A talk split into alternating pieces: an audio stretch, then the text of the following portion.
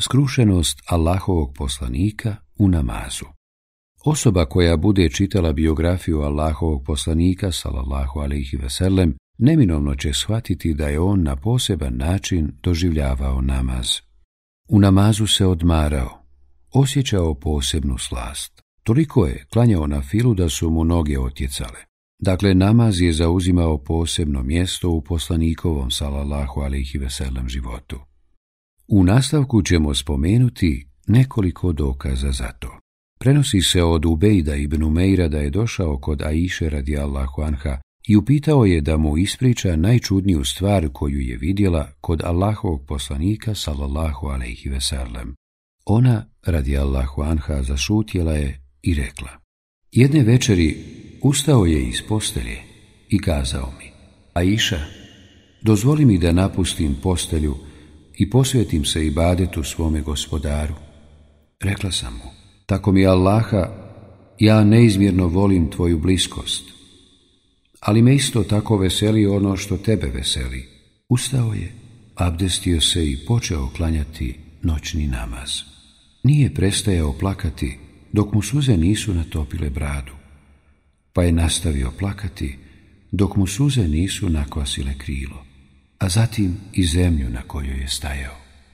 Nakon toga je došao Bilal radi Allahu Anhu da uči jezan za sabah namaz. Kada je vidio uplakanog poslanika sallallahu alaihi veselem, rekao je Allahov poslaniče, plačeš, a oprošteni su ti prvi i posljednji grijesi. On mu na to odgovori. A zar da ne budem zahvalni Allahov rob? Sinoć su mi objavljeni ajeti teško onome koji ih bude učio, a ne bude razmišljao o njima. To su ajeti sure Ali Imran. U stvaranju nebesa i zemlje i u izmjeni noći i dana su zaista znamenja za razumom obdarene, za one koji i stojeći i sjedeći i ležeći Allaha spominju. I o stvaranju nebesa i zemlje razmišljaju. Kad bilježi imam ibn Hibban. Abdullah ibn Šihir radi Allahu anhu rekao je Došao sam Allahovom poslaniku sallallahu alaihi veselem dok je klanjao, a iz njegovih prsa dopirao je zvuk plača poput zvuka lonca koji ključa. Bilježi imam Ebu Davud. Ebu Abdullah Huzeife ibn Jeman radi Allahu anhu kazuje Jedne noći klanjao sam s vjerovjesnikom sallallahu alaihi veselem Počeo je učiti suru Elbekara. Pomislio sam da će učiniti ruku poslije proučenih stotinu ajeta, ali je nastavio učiti. Tada sam pomislio da će na tom rekatu proučiti cijelu suru Elbekara, ali je nastavio učiti dalje, tako da je proučio i sure En-Nisa i Alu Imran. Učio je polako, po tertilu, kada bi proučio ajetu kojem se Allah veriča, veričao bi ga. Ako se u ajetu spominjala dova, učio bi dovu. A ako se tražila zaštita, tražio bi je. Zatim je učinio ruku, izgovarajući. Subhane rabbijel azim. Neka je slava mome veličanstvenom gospodaru. Na ruku se zadržao koliko i na kijamu, a onda je rekao Semi Allahu limen hamide, Rabbena lekel hamd. Čuje Allah onoga komu zahvaljuje, gospodaru naš, tebi pripada zahvala. Pa se ispravio i dugo stajao, približno onoliko koliko je bio na ruku. Nakon toga učinio je seđdu izgovarajući Subhane rabbi ala, neka je slava mome uzvišenom gospodaru. Zadržavajući se na seđdi približno onoliko koliko je bio na kijamu. Bilježi imam muslim. A iša radi Allahu Anha prenosi da je vjerovjesnik sallallahu alaihi veselem toliko dugo stajao na noćnom namazu da bi mu noge znale oteći, pa bi ga upitala Zašto to činiš, Allaho poslaniče, kada ti je Allah oprostio i prijašnje i buduće grijehe? On joj na to odgovori. Zar da ne budem zahvalni rob? Bilježe Buhari i Muslim. A iša radi Allahu Anha rekla je, Allaho poslanik salallahu alaihi veselem ni u Ramazanu, ni mimo njega ne bi klanjao više od 11 rekata noćnog namaza. Klanjao bi četiri rekata, a ne pitaj kako su dugi i lijepi bili. Nakon toga klanjao bi još četiri rekata, a ne pitaj kako su dugi i lijepi bili. Zatim je klanjao tri rekata, a ja ga upitah, lako poslaniče, spavaš li ti prije nego što klanjaš vitr namaz? A on mi odgovori, o Aisha, moje oči spavaju, ali moje srce ne spava. Bilježe Buhari i Muslim. Od Enesa Allahu anhu prenosi se da je poslanik sallallahu alaihi veselem kazao Meni su učinjene dragim dvije dunjalučke stvari, žene i miris, a radost moga oka je u namazu. Bilježi Imam Ahmed šta povećava koncentraciju i skrušenost u namazu. U ovom poglavlju pokušat ćemo spomenuti srž onoga što su islamski učenjaci u svojim knjigama govorili o načinima i metodama postizanja skrušenosti u namazu, što je možda i najbitniji dio ove tematike. Neki od tih faktora pribavljaju i ojačavaju koncentraciju, a drugi se pak odnose na izbjegavanje onoga što dekoncentriše klanjača. Spoznaja uzvišenog Allaha, njegove veličine i uzvišenosti, kroz prizmu razumijevanja njegovih imena i svojstava. Zasigurno je najbolji način za povećanje prisutnosti u namazu istinska spoznaja veličine uzvišenog Allaha. Kada spoznamo veličinu svoga gospodara, to će neminovno ostaviti traga na nas i naše ibadete. Spoznati Allaha možemo na više načina, a spomenut ćemo samo dva najbitnija. Izučavanje i ispravno razumijevanje njegovih savršenih imena i svojstava. Onaj koji izučava i ispravno razumije Allahova imena i svojstva, neminovno će spoznati veličinu gospodara, a to će ostaviti velikog traga na njega i njegovo obavljanje ibadeta. Uzvišeni Allah je Rab, gospodar svih svjetova. El Melik, vladar i vlasnik svega. Er Rahman i Er Rahim, milostivi i samilosni. El Azim, veličanstveni. Es koji sve čuje. El Basir, koji sve vidi. El Alim, sveznajući. El Kudus, čist od svake mahane. El Mutekebir, gordi. El Khaliq, stvoritelj. El Gafur, koji prašta. El Razaq, obskrbitelj. El Halim, blagi. El Raqib, koji motri svaku kretnju. El Kerim, plemeniti. El haqq, najveća istina. El haj, vječno živi. Es samed, utočište svakome. Et tawwab koji prima pokajanja svojih robova. El qarib, koji je blizu. El ghanij, bogat i neovisan o stvorenjima. El hadi, koji upućuje na pravi put. El Muhit, sveobuhvatni. En Nasir, pomagač. El Galib, apsolutni pobjednik. El Hakim, mudri. Ovo su samo neka imena uzvišenog Allaha. Neminovno bismo spoznali veličinu i uzvišenost gospodara. Samim time to bi ostavilo velikog traga na naš namaz i stajanje pred gospodarom. Razmišljanje o njegovim stvorenjima Na mnogo mjesta u Kur'anu uzvišeni Allah poziva svoje robove da pogledaju oko sebe i razmisle o savršenstvu njegovih stvorenja, što neminovno ukazuje na veličinu onoga koji ih je stvorio. Kazao je uzvišeni Allah. A zašto ne pogledaju nebo iznad sebe? Kako smo ga sazdali i ukrasili? I kako u njemu nema nereda? a zemlju smo rasprostrli i po njoj nepomična brda pobacali i dali da iz nje niče raznovrsno prekrasno bilje, da bi razmislio i opomenuo se svaki rob koji se gospodaru svome obraća.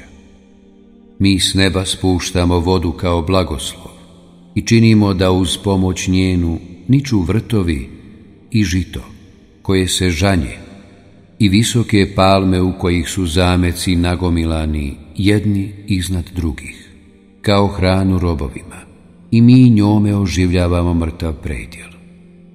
Takvo će biti i oživljenje. Sura Kaf od 6. do 11. ajeta. Mnogi dokazi su čak i u samome insanu i njegovom savršenom tijelu. Kazao je uzvišeni Allah. Na zemlji su dokazi za one koji čvrsto vjeruju, a i u vama samima, zar ne vidite? A na nebu je obskrba vaša i ono što vam se obećava.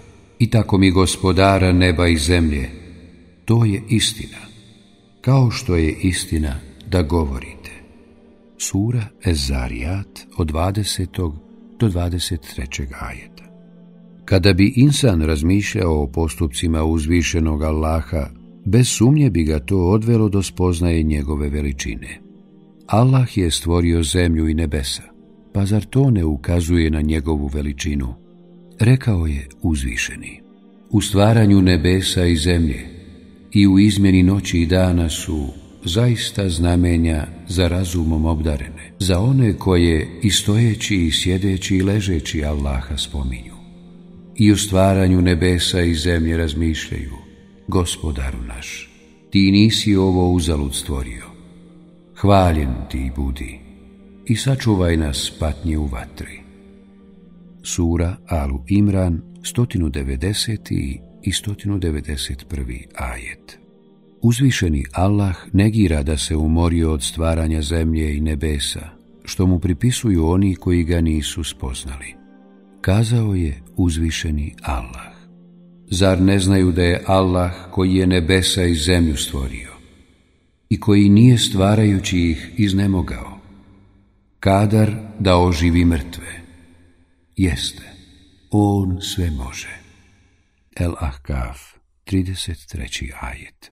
U stvaranju zemlje i onoga što se nalazi na njoj u fascinantnom skladu, veliki je dokaz Allahove veličine onima koji razuma imaju. Rekao je uzvišeni. On je zemlju ravnom učinio i na njoj nepomične planine i rijeke stvorio i od svakog ploda po par muško i žensko dao. On dan zastire noću. To su doista dokazi ljudima koji razmišljaju. Rad treći ajet. On spušta s neba vodu koju pijete i kojom se natapa rastinje kojim stoku napasate. On čini da vam pomoću nje raste žito i masline, i palme i grožđe, i svakovrsni plodovi. To je zaista dokaz za ljude koji razmišljaju. On čini da se noći i danom koristite, i suncem i mjesecom, a zvijezde su volji njegovoj potčinjene. To su uistinu dokazi za ljude koji pameti imaju i svim onim raznobojnim što vam na zemlji stvara. To je doista dokaz ljudima koji pouku primaju. On čini da se morem koristite, da iz njega svježe meso jedete i da vadite nakit kojim se kitite. Ti vidiš lađe kako ga sjeku, da biste nešto iz obilja njegova stekli i da biste zahvalni bili. On je po zemlji nepomična brda pobacao da vas ona ne potresa, a i rijeke i puteve da se ispravno usmjeravate, i putokaze, a i po zvijezdama se oni upravljaju. Pa da li je onda onaj koji stvara kao onaj koji ne stvara? Urazumite se, ako vi budete brojali Allahove blagodati, nećete ih nabrojati. Allah u istinu prašta i samilostan Allah zna šta tajite, a šta javno iznosite. Sura en Nahl od 10. do 19. ajeta. On iz neživog stvara živo i živo pretvara u neživo. On oživljava zemlju nakon mrtvila njezina. Isto tako ćete i vi biti oživljeni. Jedan od dokaza njegovih je to što vas od zemlje stvara i odjednom vas, ljudi, svuda ima razasutih. Jedan od dokaza njegovih je to što za vas od vrste vaše stvara žene, da se uz njih smirite i što između vas uspostavlja ljubav i samilost. To su zaista pouke za ljude koji razmišljaju. Jedan od dokaza njegovih je stvaranje nebesa i zemlje i raznovrsnost jezika vaših i boja vaših. To su zaista pouke za one koji znaju. I jedan od dokaza njegovih je san vaš noću i po danu. I nastojanje vaše da steknete nešto iz obilja njegova. To su zaista pouke za ljude koji čuju. I jedan od dokaza njegovih je to što vam pokazuje munju, da se pobojite i ponadate. I to što spušta s neba kišu i oživljava njome zemlju, poslije mrtvila njezina. To su zaista pouke za ljude koji razumiju. I jedan od dokaza njegovih je i to što nebo i zemlja postoje voljom njegovom. Zatim to što ćete, čim vas on samo jednom iz zemlje pozove, brzo ustati. Njemu pripada sve što je na nebesima i na zemlji. Sve je njemu poslušno. On je taj koji iz ničega stvara. I on će to ponovo učiniti. To je njemu lako. On je uzvišen i na nebesima i na zemlji. On je silan i mudar. Sura Er-Rum od 19. do 27. ajeta. Kur'an je pun ajeta u kojima se spominju Allahova stvorenja, te pozivaju robovi da razmišljaju o onome što ih okružuje, jer u svemu tome mogu vidjeti veličinu uzvišenog Allaha. Lagano i umjereno klanjanje daleko od užurbanog obavljanja namaza. Jedna od metoda putem koje klanjač može povećati koncentraciju i skrušenost je smireno klanjanje. Veliko pravilo glasi da su skrušeno i brzo obavljanje namaza dvije suprotnosti koje se ne mogu spojiti. Kazao je Ibnu Kajim. Nemoguće je postići skrušenost u namazu brzim klanjanjem i kljucanjem. Šta više, skrušenost se ne može postići osim sa smirenošću. Pa kad god povećamo smirenost, povećavamo skrušenost.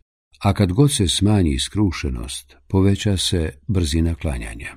Toliko je hadisa iz kojih vidimo da je Allahov poslanik sallallahu alejhi ve sellem klanjao sporo i zabranjivao brzo klanjanje.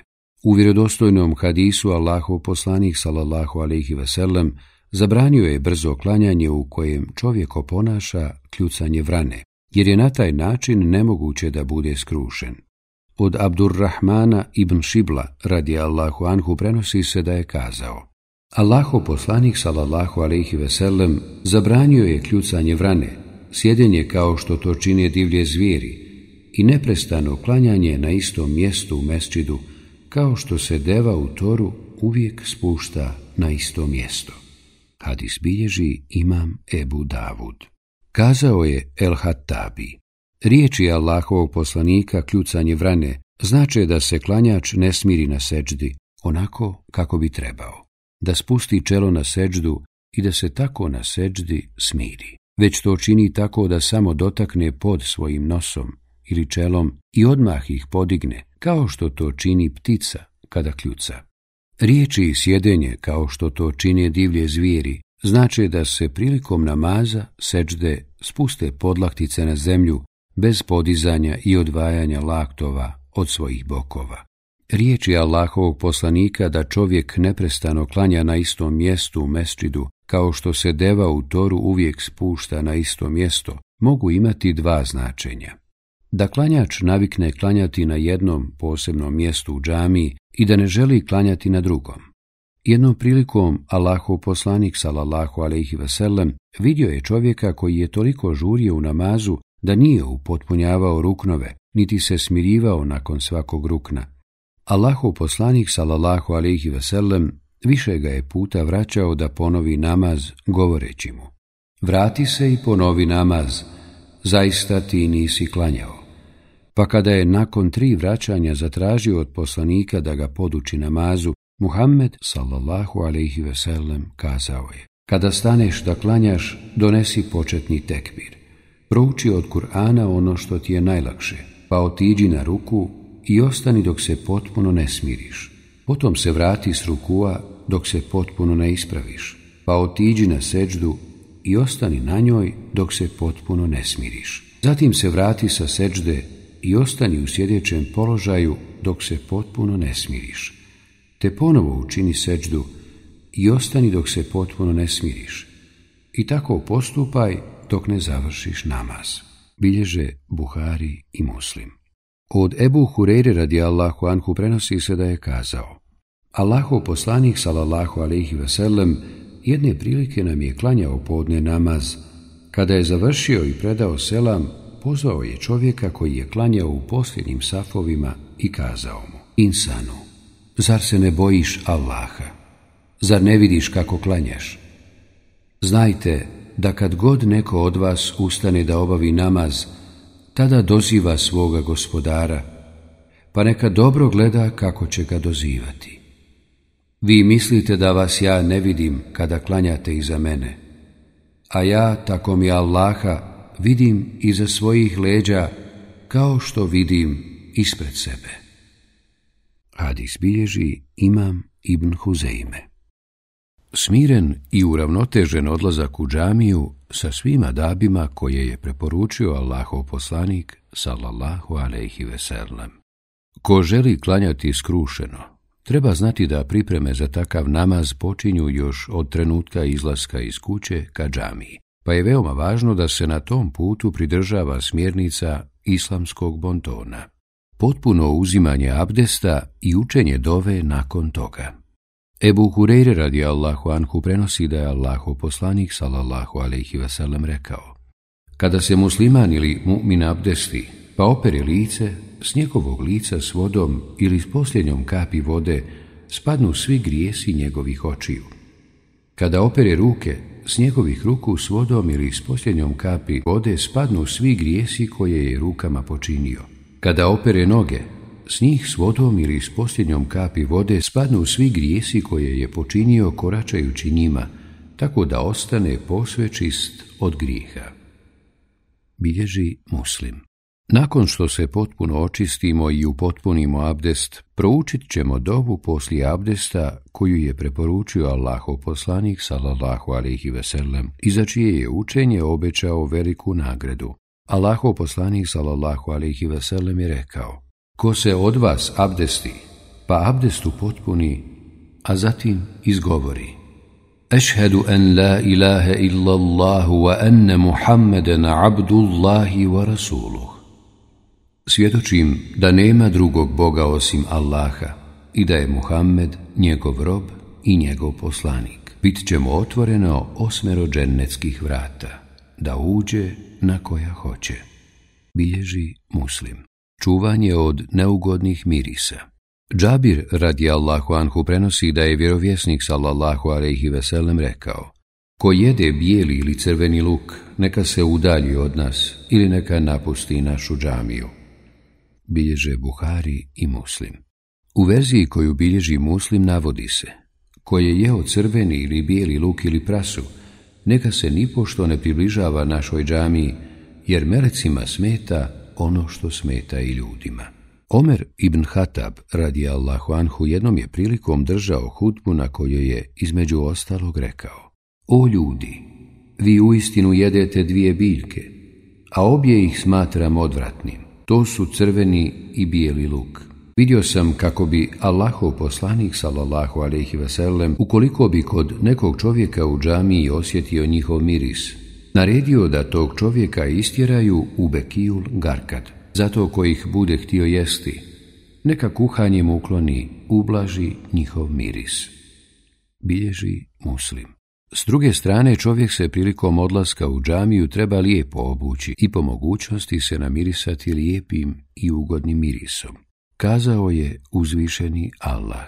O sinovi Ademovi, lijepo se obucite kad hoćete molitvu obaviti i jedite i pijte, samo ne pretjerujte. On ne voli one koji pretjeruju. Bilježi muslim. Prilikom izlaska iz kuće učiti propisanu dobu Prilikom izlaska iz kuće propisano je da prouči neku od dova, a za jednu od njih Allahu poslanik sallallahu alihi veselem obećao je divnu nagradu. Kada čovjek izađe iz svoje kuće i izgovori Bismillahi tawakkeltu ala Allahi, la hawla wa la illa billah, sa Allahovim imenom izlazim, na Allaha se jedino oslanjam. Nema snage niti moći osim kod Allaha. Bude mu rečeno, upućen si, sačuvan si, zaštićen si. Nakon toga od njega se sklanjaju šeitani, govoreći jedni drugima. Šta ćeš s osobom koja je upućena, zaštićena i sačuvana? Bilježi Ebu Davud. Odlazak u džamiju smireno i na vrijeme. Ebu Hureyre radijallahu anhu prenosi da je čuo Allahovog poslanika sallallahu alihi veselem kako kaže Kada se i kametom oglasi početak namaza, nemojte na njega dolaziti žurno i trčeći, već umjerenim hodom i budite smireni i skrušeni. Obavite onaj dio namaza na koji stignete, a ono što ste propustili upotpunite. Bilježe Buhari i Muslim. Ebu Hureyre radi Allahu anhu prenosi da je Allaho poslanik sallallahu alaihi veselem rekao Kada bi ljudi znali kolika je vrijednost poziva, ezana i prvog safa, oni bi kada ni na koji drugi način to ne bi mogli odrediti, bacanjem kocke odlučili ko će učiti ezan ili klanjati u prvom safu. Kada bi znali kolika se vrijednost krije u ranom odlasku na namaz i u tome bi se natjecali a da znaju kolika je vrijednost jacijskog i sabahskog namaza, na njih bi dolazili pa makar i pužući. Bilježe Buhari i Muslim. Prilikom ulaska u džamiju proučiti propisanu dovu te ući desnom nogom. Musliman bi trebao znati da se u džamiju ulazi desnom nogom, a izlazi lijevom. Prilikom ulaska i izlaska iz džamije lijepo je proučiti dove koje je Allahov poslanik učio prilikom ulaska i izlaska iz džamije, a koje su zabilježene u vjerodostojnim hadisima. Od Ebu Sejda radi Allahu Anhu prenosi se da je Allahov poslanik salallahu alaihi vasallam kazao Kada neko od vas uđe u džamiju, neka kaže li ftah, abe rahmetike, gospodaru moj, otvori mi vrata tvoje milosti a kada bude izlazio, neka izgovori Allahumme, inni es'aluke, min fadlike. Gospodaru moj, ja te molim za tvoje blagodati. Bilježi muslim. Prilikom ulaska u džamiju prije sjedanja, klanjati dva rekiata, pozdrava džamiji. Nakon ulaska u džamiju propisano nam je da ne sjedamo prije nego što klanjamo dva rekiata. Ako smo stigli ranije u džamiju, prije nego što je proučen ezan, propisano nam je da klanjamo dva rekiata samo s nijetom pozdrava džami. A ako se već učio ezan, tada ćemo klanjati dva rekiata, pri čemu može nijetiti pozdrav džami, Dva rekiata između ezana i kameta, te dva rekata potvrđenih sunneta. Ako za taj namaz postoje potvrđeni sunneti koji se klanjaju prije farza. Sa samo dva rekata možemo namiravati dva ili tri različita namaza. Allahov poslanik sallallahu alejhi ve rekao je: Kada neko od vas uđe u džamiju, neka ne sjeda dok ne klanja dva rekata. Bilježi Muslim. Džabir radi Allahu anhu rekao je: Došao sam vjerovjesniku sallallahu alejhi ve dok je bio u džamiji, pa mi reče: Klanjaj dva rekata namaza bilježe Buhari i Muslim. Ponavljati za jezinom dok uči ezan. Od lijepih postupaka koje bi vjernik trebao poznavati je i ponavljanje za jezinom. Kada bude slušao ezan, ponavljat će za njim, onako kako i on izgovara, osim riječi hajja ala salah i hajja ala felah, kada će kazati La haule wa la kuvvete illa billah. a zatim će donijeti salavat na Allahovog poslanika i proučiti dovu kojom nas je on podučio. Allahumma rabbe hadihi da'veti tamme, والصلاة القائمة آت محمدا الوصيلة والفضيلة وبعثه مقاما محمودا الذي وعدته Abdullah ibn Amr ibn As radi Allahu anhu prenosi da je poslanik salallahu alaihi veselem rekao Kada čujete ezan, i vi izgovarajte ono što izgovara mu jezin, ponavljajte za njim, a zatim na mene donosite salavat, jer svako ko na mene donese jedan salavat, Allah na njega donese deset. Nakon toga molite Allaha da mi podari el vesile, a to je mjesto u džennetu, koje će dobiti samo jedan Allahov rob, a nadam se da ću ja biti taj. Ko za mene od Allaha bude tražio el vesile, imat će pravo na moj šefaat, bilježi muslim. Učiti dovu između ezana i kameta ako bude vremena za to. Lijepo je da čovjek nakon što klanja tehijetul mesčid ili potvrđene sunnete prije farz namaza ostatak vremena između ezana i kameta provede u učenju dove. Allahov poslanik sallallahu alejhi ve sellem rekao je: Dova upućena između ezana i kameta neće biti odbijena, a u drugoj vjerodostojnoj verziji navodi se dodatak: Pa dovite. Bilježi Ebu Davud. Klanjanje u prvom safu.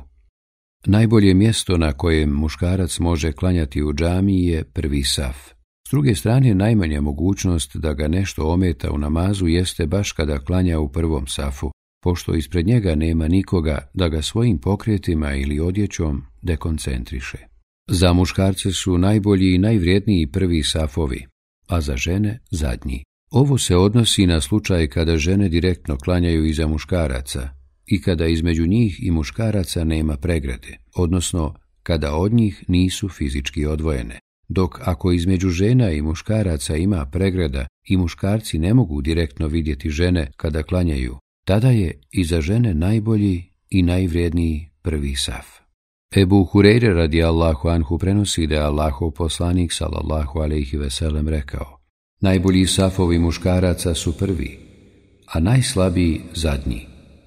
Najbolji safovi žena su zadnji, a najslabiji prvi bilježi muslim. Ebu Hurere radi Allahu Anhu prenosi da je Allahu poslanik sallallahu alaihi veselem rekao Kada bi ljudi znali kolika je vrijednost poziva, ezana i prvog safa, oni bi, kada ni na koji drugi način to ne bi mogli odrediti, bacanjem kocke odlučili ko će učiti ezan ili klanjati u prvom safu. Bilježe Buhari i Muslim. Redanje i izbijanje safova dobro poredani i izbijeni safovi su razlog povećanja koncentracije, jer se time shodno onome što nam je kazao Allahov poslanik sallallahu alaihi veselem, umanjuje djelovanje šeitana na klanjače. Nažalost, veliki broj ljudi, o čemu smo govorili u greškama vezanim za redanje safova, ne želi popuniti safove i želi u ih klanjati kao da su kod kuće, da ih niko ne dotiče u namazu, što je pokazatelj neznanja i udaljenosti od sunneta Allahovog poslanika, sallallahu alaihi veselem. Enes radi Allahu anhu prenosi da je Allahov poslanik, sallallahu alaihi veselem, rekao Zbijte safove i približite ih jedne drugima. Poredajte se tako da vam vratovi budu u liniji. Tako mi onoga u čijoj je ruci moja duša, vidim šetena kako se poput malog crnog janjeta provlači kroz praznine u safu. Hadis bilježi Ebu Davud. Ibn Omer radi Allahu Anhu prenosi da je Allahov poslanik salallahu alaihi veselem rekao Oformite safove, sastavite ramena, popunite praznine i nježno dotičite ruke svoje braće. Ne ostavljajte praznine za šeitana. Ko popuni saf, Allah će upotpuniti svoju milost prema njemu, a ko prekine saf, Allah će mu uskratiti svoju milost i zaštitu bilježi Ebu Davud. Enes radi Allahu Anhu prenosi da je Allahu poslanik salallahu alihi vasalem rekao Poravnajte svoje safove. Uistinu je poravnavanje safova dio potpunosti i cjelovitosti namaza, bilježe Buhari i Muslim. U verziji koju bilježi Buhari navodi se, jer je poravnavanje safova dio namaza. Pogledu u mjesto seđde, bez bespotrebnog zakretanja i gledanja u nebo.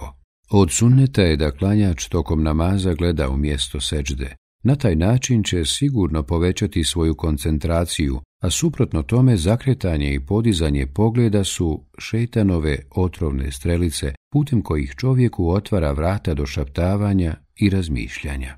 Kada se zakreće ili podiže pogled, ono što vidi u tom trenutku bude razlogom da šetan njegovu pažnju skrene od namaza u nekom drugom pravcu. Allaho poslanik sallallahu alaihi sellem jasno nam je ukazao da je zakretanje u namazu način pomoću kojeg šetan vješto krade od čovjekovog namaza. A iša radi Allahu Anha prenosi da je upitala Allahovog poslanika sallallahu alaihi sellem o okretanju u namazu, pa joj je odgovorio. To je vješta otimačina, ono što šeitan uspije ukrasti od čovjekovog namaza. Bilježi Buhari. Dvije su vrste zakretanja u namazu, tjelesno i zakretanje mislima. Tjelesno zakretanje se liječi tako da klanjač smiri pokrete u namazu, a zakretanje mislima jačanjem svijesti da u toku namaza stoji pred gospodarom, tako što će pljucnuti tri puta na lijevu stranu i tražiti od Allaha da ga zaštiti od šeitanskog došaptavanja. Imam Muslim zabilježio je predanje u kojem stoji da je Osman ibn Ebul As radi Allahu Anhu došao virovjesniku sallallahu alaihi veselem i požalio se. Allaho poslaniče, šeitan me odvraća od namaza i otežava mi učenje, pa sam sumničav spram svog namaza. To je šeitan koji se zove Hinzeb, Kaze mu vjerovjesnik sallallahu alihi veselem, pa kad osjetiš njegovo prisustvo, zatraži od Allaha da te zaštiti od njega i pljucni na lijevu stranu tri puta. Ovaj je Ashab govorio. Postupio sam onako kako mi je Resulullah sallallahu alihi veselem preporučio i Allah je odagnao Hinzeba od mene. Bilježi muslim.